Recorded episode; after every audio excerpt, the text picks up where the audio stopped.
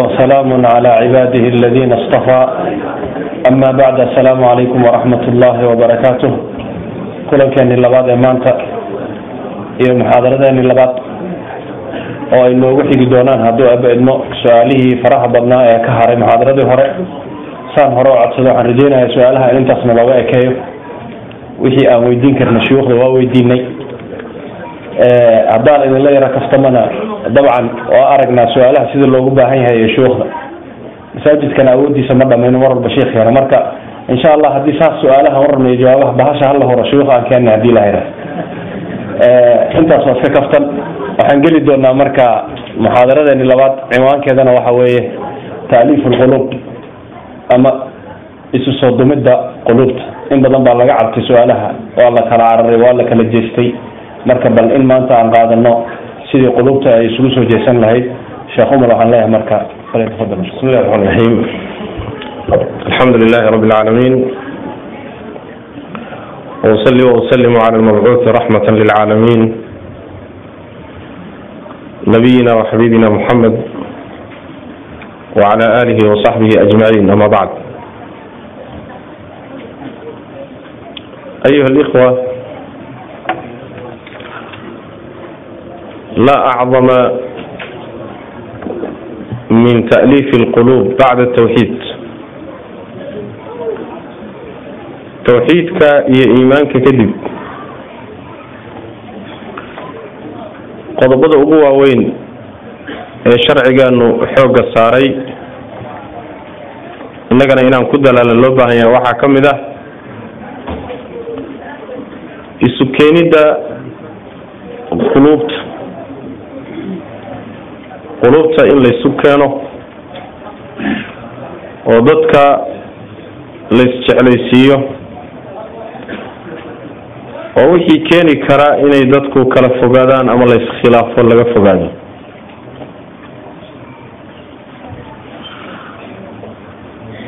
Nabigeenu salawaatu rabbi wasalaamu caleyh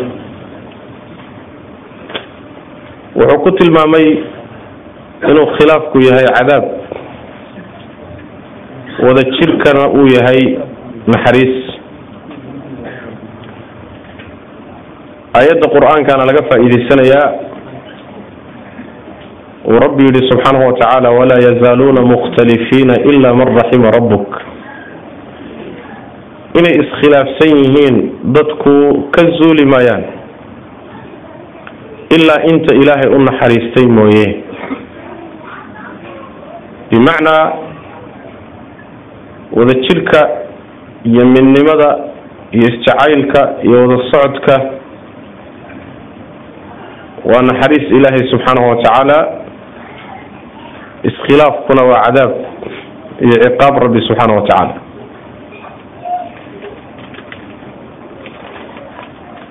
Fii suurati alancaam inay arrintu sidaas tahay allah subxaana wa tacaala ciqaabaha uu addoommadiisa ciqaabo markuu sheegay. Ciqaabobka uu idiin ciqaabi karo. Ciqaabta waxaa ka mid a inuu kooxa idinka dhigo. Oo nooc ciqaabtiisa ka mid. Qul huwa alqadiru cala an yabcasa calaykum cadaaba min fawqikum aw min taxti arjulikum aw yalbisakum shiyaca wayudiiqa bacdakum ba'sa bacd alle waa midka awooda oo awoodda u leh inuu korka cadaab idinkaga keeno ama hoosta cadaab idinkaga soo saaro lugihiina hoostooda ama inuu idinku dheeho kooxo kadibna baaskiina inuu idin dhadhansiiyo. Qaarkiin qaarka kale baaskooda inuu dhadhansiiyo oo intuu kooxo idinka dhigo kadibna kooxo idinkoo aada islaysaan ood isbaabi'isaan. Saddexduba waa saddex nooc oo ilaahay waxu cadaabo waxna u ciqaabo subxana watacala adduunka. Samada inuu ciqaab socoto kaaga soo degto waa nooc. Lugaha hoostooda iyo dhulka inay ciqaabi kaaga timaadana waa nooc nooca saddexaadi waxa weeye bulshadii iyo mujtamacii intay la qaybiyo iyagii in laysku garaaco oo iyagii ay isbaabi'iyaan oo dhibkooda ay iyaga laisdhadhansiiyo waa nooca saddexaad oo isagana noocyadii alla wax u ciqaabo subxaana wa tacaala. Khilaafku marka waa ciqaab. Khilaafku waa ciqaab. Isnacaybkuna waa ciqaab. Midnimada iyo wada jirkuna waa naxariis rabbi subxaana wa tacaala sidaas daraaddeed ayaa allah subxaana wa tacaala uu wuxuu inoogu yeedhay qur'aanka iyo sunnada intaba dhaqankii saxaabada iyo salafka. Ummaddu mar hadday muslim tahay inay diinteeda ku midowdo mid ku noqoto. Qulubtooduna ay isjeclaato laysu soo dumo wax kastoo quluubta kala dili karana in laga fogaado. Wax kastoo quluubta kala dili kara in laga fogaado. Shareecadu waa ka digtay dadkana waa ka fogeysay. Irid kastoo keeni karta khilaaf keeni kartana shareecadu waa xidhay. Alla subxaana wa tacaala qur'aanka wuxuu ku yidhi wactasimuu bixabli illahi jamiica walaa tafaraquu xadhigga ilaahay qabsada hana kala tegina. Xadhigga ilaahay qabsada idinkoo idil oo wada jira hana kala tegi kanana kala tegina wadkuruu nicmat allahi calaykum id kuntum acda'a faallafa bayna quluubikum waxaad xusuusataan ilaahay nicmadii uu idin galay. markaad cadow isu ahaydeen kadibna alla quluubtiina isu dumay. wadkuruu nicmat allahi calaykum id kuntum acdaa'an faallafa bayna quluubikum faasbaxtum binicmatihi ikhwaana markaasaad ilaahay nicmadiisii sababteeda walaalo ku noqoteen. Wa kuntum calaa shafa xufratin min annaari faanqadakum minha. Intaan ilaahay idinku nimcaynin inuu quluubtiina isu dumo oo idin walaaleeyo. Ka hor waxaad ku saarnaydeen naar qarkeed baad saarnaydeen. Ilaahay baa idinka soo badbaadiyey subxana wa tacala nicmadaa saxaabada la xusuusinayo waxay culimmadu ku fasiraan wadcigii iyo arrintii ka jirtay magaalada madiina intuusan nabigu u soo hijroonin salawatu rabbi waslamu caleyh saad garanaysaanba magaalada madiina laba qoys baa deganaa oo carbeed iyo qoysas reer yahuudeed ah. Labada qoysa carbeed waxay ahayn aws iyo khasraj laba reer oo wada dhashay laakiin intay colaaday dhex martay taariikh dheer islayn jiray wakti dheer isku xumaa oo dagaalo taariikhiya ay dhex mareen oo isbaabi'iyey haddana magaalada wada degan bay ahaayeen. Qur'aanku markuu soo dego nebi maxamed la soo diray salawaatu rabbi wasalaamu caleyh rag ka socda oo ergaa oo ree ka socda labadii qoys ayaa nebiga intuusan maka ka soo hijroonin maka ugu tegey way rumeeyeen madiinay ku soo noqdeen ilaa nebigu soo hijroodo magaalada madiine uu ugu yimid labadii qoys ee waktiga dheer islayn jira dagaalku ka dhexeeyey dad walaalo ah oo wada dhashay oo isku mabdo isjecel buu alla ka dhigay subxana wa tacaala bimacnaa colaadii daba dheerayd ee xididka dheerayd ee waktiga soo jirsay alle hal mar wuxuu ku daaweeyey qur'aanku ku daaweeyey. Diintanay qabsadeen kitaabkanay qabsadeen wax alla wixii xumaan dhex taalloo dhan waa la halmaamay. Dad walaala isku mabda ah isku cadow ah isjecel isku qalbi ah wax walba ka dhexeeyay noqdeen. Kaasuu rabbi subxaana wa tacaala xusuusinaya warka wuxuu ku leeyahay waxaad xusuusataan alla nicmadiis. Markaad cadow isu ahaydeen oo intuu cadaawadii alla idinka siibay walaalo isjecel idinka dhigay. Qulubtiinana alla isu dumay subxana wa tacaala. Qulubtiinana alla isu dumay. Marka waa nicmo weyn ummaddu inay quluubteedu is yani waxa weye is isjecesha oo quluubteedu isu dumanta oo quluubteedu macnaha waxa wada socoto oo aynan kala jeedin waa nicmo weyn oo ilaahay subxaana wa tacaala nicamkiisa ugu waaweyn. Saas daraaddeed baa nabigeena salawaatu rabbi wasalaamu caleyh alla ku galladaystay oo waxyaabaha rabbi u galay iyo qaabku ugu hiiliyey rasuulka sal lay slam waxaa ka mid ahayd raggii la socday rasuulka sal lay slam oo intaasoo jinsiyadood ka kala dhashay intaasoo mujtamac ka soo kala jeeda ayuu alla subxaana wa tacaala quluubtooda isu dumay. Fii suurati alanfaal alla subxana wa tacala waa ku sheegay huwa aladii ayadaka binasrihi wa bilmu'miniin alla subxaana wa tacaala waa midka libtiisa iyo guushiisa kugu xoojiyey nebi maxamedow waxaa kaloo uu kugu xoojiyey mu'miniintana wuu kugu xoojiyey. Wa allafa bayna quluubihim quluubtoodana allah isu dumay. Low anfaqta maa fi lardi jamiican maa allafta bayna quluubihim bale. Waxa dhulka korkiisa yaalloo dhan haddaad wada bixin lahayd quluubtooda maadan adigu isu keenteen oo maadan isu dunteen maadan kartid.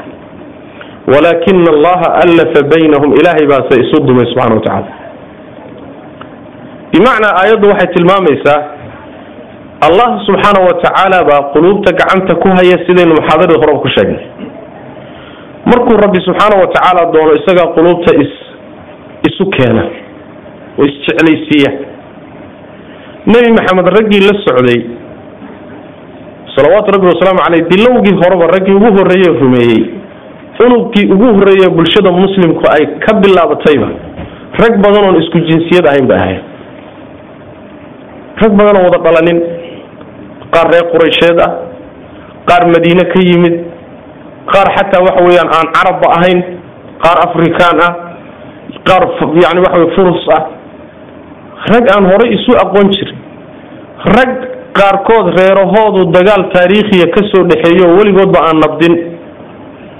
Raggii nooca ahaa baa allah subxaana wa tacaala intuu isu keenay oo nebi maxamed ardo uga wada dhigay baa haddana quluubtoodii wuxuu ka dhigay qalbigiisoo kale. Laakiin adigu maba aadan samayn karteenba. Haddii aad dhulka waxaa korkiisa yaalloo dhan inta lagu dhiibo la yidhaahdo mid walba qayb ka siiyo soo qanci.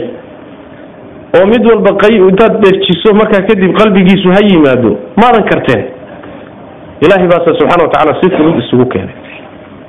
Waxay gaadheen heer waxa ugu qaalisan oo ay haystaan ay isa siiyaan iyagoon wada dhalanin ayagoon isku deegaan ahayn ayagoon isku degmo ahayn. Haddana heerka isku xidhnaantooda iyo isjacaylkooda wuxuu gaadhay waxa ay haystaan waxa ugu qaalisan inay isu huraan oo isa siiyaan. Nebigu salawaatu rabbi wasalaamu caleyh markuu maka ka tegey oo magaalada madiine tegey tilaabooyinkii ugu horreeyey rasuulku uu qaaday waxaa ka mid ah almu'akhaa bayna almuhaajiriina waalansaar inuu nebigu walaaleeyo raggii tala yimid maka ee muhaajiriinta magacaas loo bixiyey iyo raggii magaalada madiine loogu yimid ee ansaar loo bixiyey ee sii deganaa magaalada labadaasuu nebigu inuu isku xidho walaaleeyo bilaabay salawatu rabbi waslamu caleyh leanna waxaa la doonayaa mujtamac adag oo caalamkan intay risaalada ilaahay iyo fariintiisa xambaaraan caalamkan gaadhsiiya yaa unugiisa la dhigaya. Mujtamacaasoo kale marka unugiisa la dhigayo asaas waxaa u ah inuu yahay mujtamacaasi mujtamac adag oo isku kalsoon oo walaalo ah oo waxba yadha xasaasiya ayna dhexdooda oran nin muhaajiriya waxaa walaal lagala dhigay nin ansaari ah. Guriguu kula nool yahay. Wuu dhaxlayaa hadday dhintaan hadday isma yaqaanaan. Horay isumayna aqoonin mana ayna wada dhalanin heer waxaa la gaadhsiiyey midkood hadduu dhinto ka kale uu dhaxlayo. Yani bulshadu si ay isu dhex gasho. Oo ay yani walaaltinimo rasmiya u suurowda. Buu nabigu tilaabadaa u qaaday salawatu rabbi waslamu caleyh waxaa ka dhacday raggii magaalada madiine loogu yimid reer ansaareed. Walaalahoodii muhaajiriintahay oo dhulkoodii ka yimid deegaankoodii ka yimid laga soo eriyo xoolahoodii ka yimid inay yidhaahdaan xoolaha nala qaybsada. Ansaar baa nabiga u timi salawatu rabbi wasalaamu caleyh waxay ku yidhahdeen rasuul ilaahay o waxaan rabnaa xoolahanaga intaad laba qaybood u qaybiso. Qaybna inaad noo reebto qaybna inaad siiso walaalahanagan dhulkoodii laga soo qixiyey ee ku yimid magaalada noogu yimid. Qisadii sacd ibn rabiic iyo cabdiraxmaan ibni cawf fii saxiixi albukhaari wakayrihi baad garanaysaan ilaa heerka ay gaadhay isku xidhnaantooda iyo walaaltinimadooda iyo quluubtoodu siday macnaha isugu xidhantay laba nin oo rasuulku walaalayay cabdiraxmaan ibni cawfna muhaajiri buu ahaa. Sacd ibnu rabiicna ansaari buu ahaa reer madiina. Niman isku qabiilo wada dhashayna maaha markuu nebigu walaalayay salawatu rabbi wasalaamu caleyh sacd ibnu rabiic baa wuxuu u yeedhay cabdiraxmaan wuxu uhi cabdiraxmaan ree ansaareed waxaan ahay ragga ugu xoolo badan baan ka tirsan yaan ka mid ah. Dumar afarana waan qabaa. Xoolahaygaas laba qaybood baan u qaybinayaa. Qaybna alla la hadhaya qaybta kalena qaado. Dumarkayga afarta ana intaad tagtood soo fiiriso midaad u bogto ood jeclaato baan kuu furayaa kadibna markay ciddada ka baxdaad guursanaysaa cabdiraxmaan wuxuu yidhi xoolahaaga iyo dumarkaagaba allaha kuu barakeeyo. Ee suuqa halay tuso buu yidhi magaalada suuqeeda halay tuso. Ganacsadu ahaan jira nin ganacsiga yaqaanu ah. Suuqii baa la tusay wuxuu bilaabay badeeco inuu rogrogo ganacsi bilaabo maalmo kadibba waxbuu helay macaash buu helay isagoo aroosa maalintii dambe la arkay. Markaasuu nabigu wuxuu ku yuri sal ly sl war cabdiraxmaan see waxu jira. Ila ninka arooska ah ragga uma eka xoogaa dhaldhalaal iyo ududeyg iyo waxbaa ka soo see waxu jiraan bui waan guursaday rasuulilah oo maxaad meher uga dhigtay? Laftimireed wasankeed oo dahabaan meher uga dhigay. Ilaahay ha kuu barakeeye weliimo samee buu ku yidhi walow neef aryana ha noqde ujeeddadu maxay tahay marka? Wax kastoo laysu quuraba. Haweentaada inaad nin u furto ma kuu suuroobi karta ma kaa suuroobi kartaa lama wada dhalanin laakiin mabda baa laysugu yimid. Caqiidaa laysugu yimid. Iimaan baa walaaleeyey. Iimaanku heer wuxuu gaadhayaa kuwa wada dhashay iyo nasabka. Calaaqada ka dhaxaysa calaaqo ka qiimo badan buu iimaanku sameeyaa. Ta'liifu lquluub marka.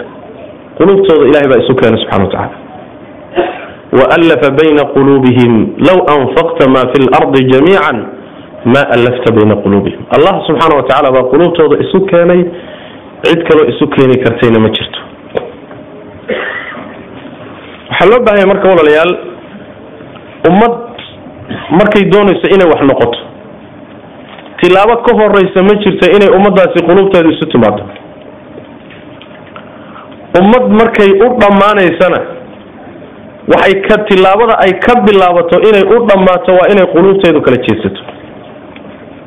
Waa kudaysay ummadaasi shareecada islaamku marka dadaal aada u fara badan baa waxaa lagu bixinayaa ummaddan quluubteeda in laysu soo jiido.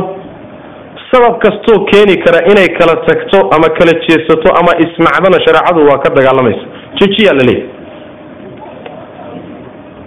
iyadoo ay jirto nabigu uu sheegay salawaatu rabbi wasalaamu caleyh ayaa haddana waxaana la leeyahay kow midnimo iyo wada jir iyo inaad isjeclaataan asaas waxaa u ah manhaj saxa qabsada. Haddii ilaahay manhajkiisa iyo dariiqiisa saxda aad ka leexataan inaad iskhilaafaysaan waa qacan wactasimuu bixabli illahi jamiican walaa tafaraquu maxaa laga hormariyey?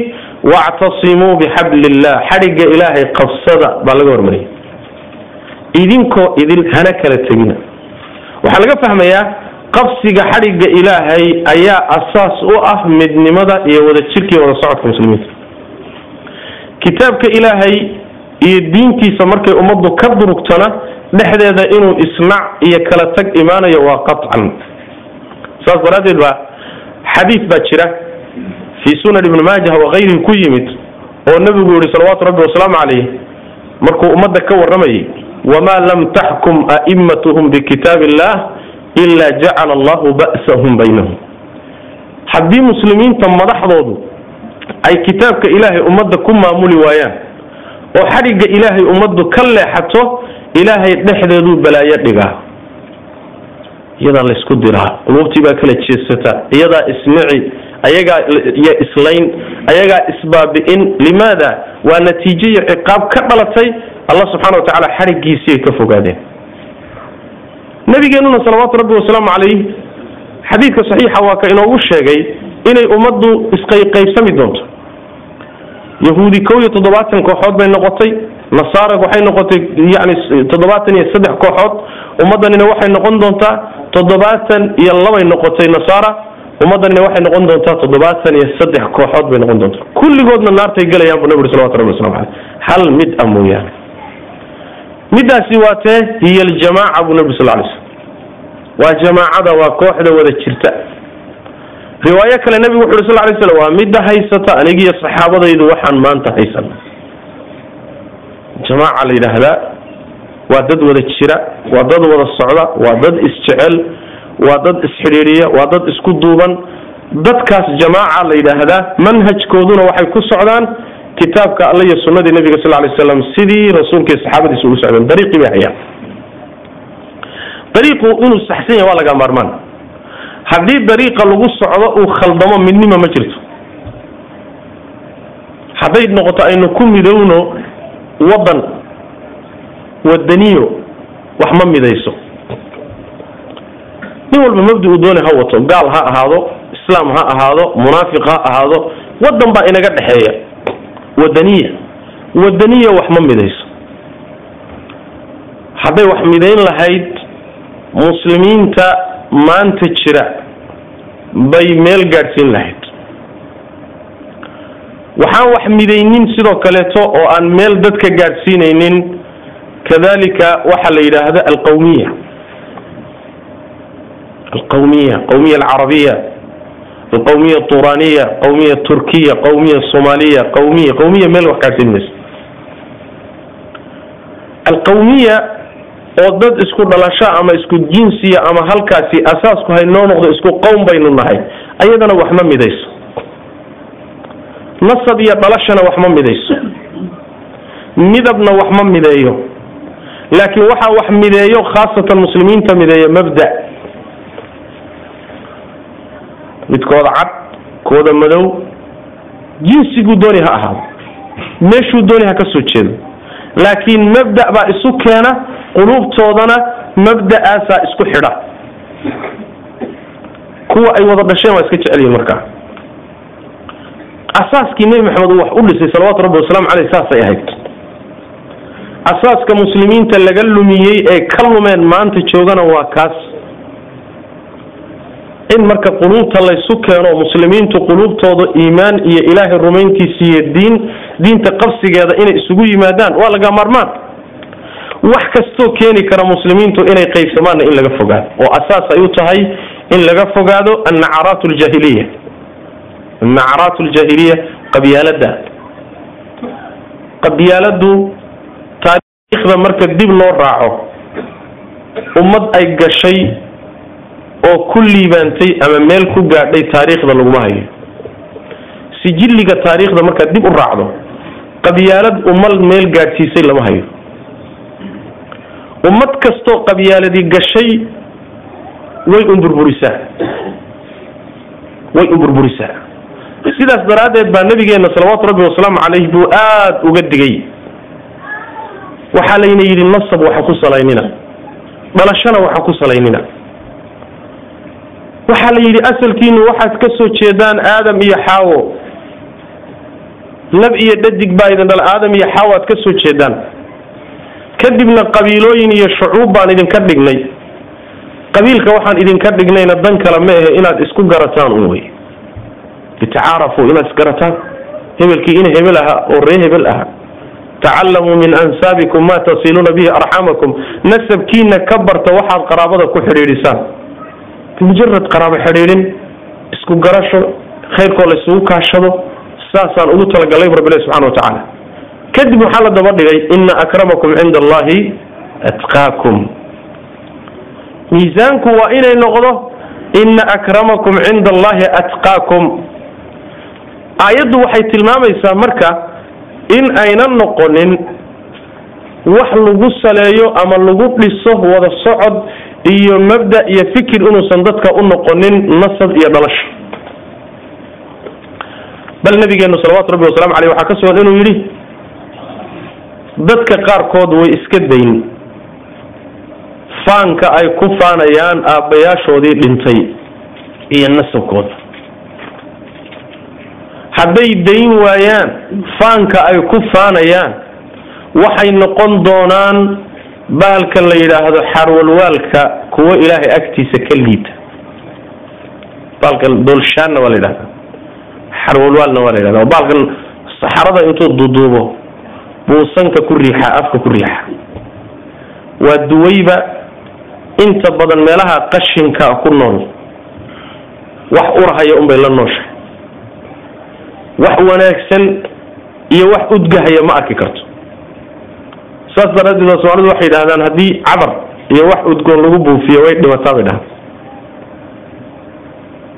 Ilaahay agtii middaa way ka liidanayaan hadday dayn waayaan faanka ay abtirka isugu faanayaan iyo dhalashada ay wax ku salaynayaan. Maxaa la diidan yahay marka.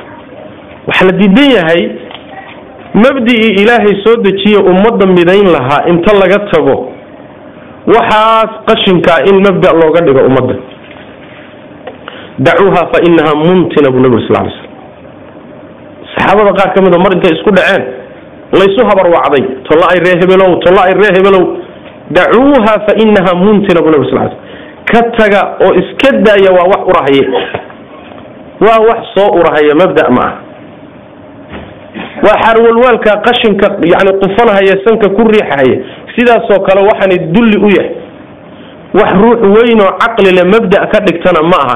Ee iska daayo iskaga tagaba rasulku yuri salawatu rabbi wasalam ilahay wax ka wanaagsan buu idinku bedelay allah wax ka wanaagsan buu idinku bedelay waxaa nabiga ka sugan sal ly wasalam waktigii nabiyullaahi muusa caleyhi wacala nabiyina salaatu wasalaam baa laba nin baa isu faanay. Markaasaa wuxuu yidhi mid baa wuxuu tirsaday sagaal awow waxaan ahay buuhi ina hebel ina hebel baan ka ahay ina hebel baan ka ahay ina hebel baan ka ahay. Halkaasaan anugu maraaya faman anta ya faman anta laa aba laka? buu ku yidhi. Yaa tahay adugu bal sheeg buui markaasu wuxuu ku yidhi anugu waxaan ahay hebel ina hebel baan ahay ina islaam baan ka ahay. Muslim baan ahay rasuulku wuxu uhi sal ly wasalam rabbi baa kala xukumay. Midkii sagaalka awow ku abtirsaday. Waxaa rabbi ku yidhi subxaana wa tacaala sagaal awow baad ku abtirsatay intuba naarta ku jiraane adiguna toban ku noqo naarta la gal midkii laba aab aabbo markuu tirsaday islaam uga gudbay ee islaamku abtirsadayna macnaheedu waxa way ruuxu hadduu mabdiciisa iyo abtirkiisu uu noqdo uun qabyaalad iyo qabiil iyo annagaa ree hebela iyo annagaa gobol hebel ah waa aslulfurqa waana meesha muslimiinta dhib ka soo gaadhay horaan ilaa ay haddana dhibaatada haysata khaasatan bulshadan luqadan aan ku hadlayo ku hadashahay cudur ka weyn ma ay qabto qabyaaladda. Cudur ka weyn. Ummadba waxbaa laga daaweyn jiray ummadihii rususha loo soo diri jiray. Ummadba markii shirkiga iyo tawxiidka laga gudbo cudur kale la dheereer cudurkaasaa xoogga la saari jiray. Qowmu luut akhlaaq xumadii iyo liwaadkii baa lagala hadlay tawxiidka kadib laanna waa cuduray qabeen. Qowmu shucayb sidoo kaleeto iyagana baab kalaa lagala hadlay. Soomaalida bacda tawxiid cudurka in laga daaweeya ay u baahan yihiin waxa weeye bacda shirki in laga daawo ayuu baahan waxa waa qabyaalada waay. Cudur ka halisan oo haya ma uu jiro. In marka tarkiiska la saaro oo ummaddu xoogga saarto oo waxgaradkeedu xoogga saaraan oo culimadeedu xoogga saaraan oo ducaadeedu xoogga saaraan waa masale laga maarmaan ah. Furqa iyo iftiraaqa waxyaalaha keenay shareecadu aada uga digtay ee fogeysay iridaha ay xidhay buu ka mid yahay. Joojiyaa la yidhi waxaa ka baxa. Taariikhdana waxaa lagu hayaa muslimiinta markii intay muslimiintu wada jireen oo mabda islaamka ku wada socdeen oo shicaarkooda u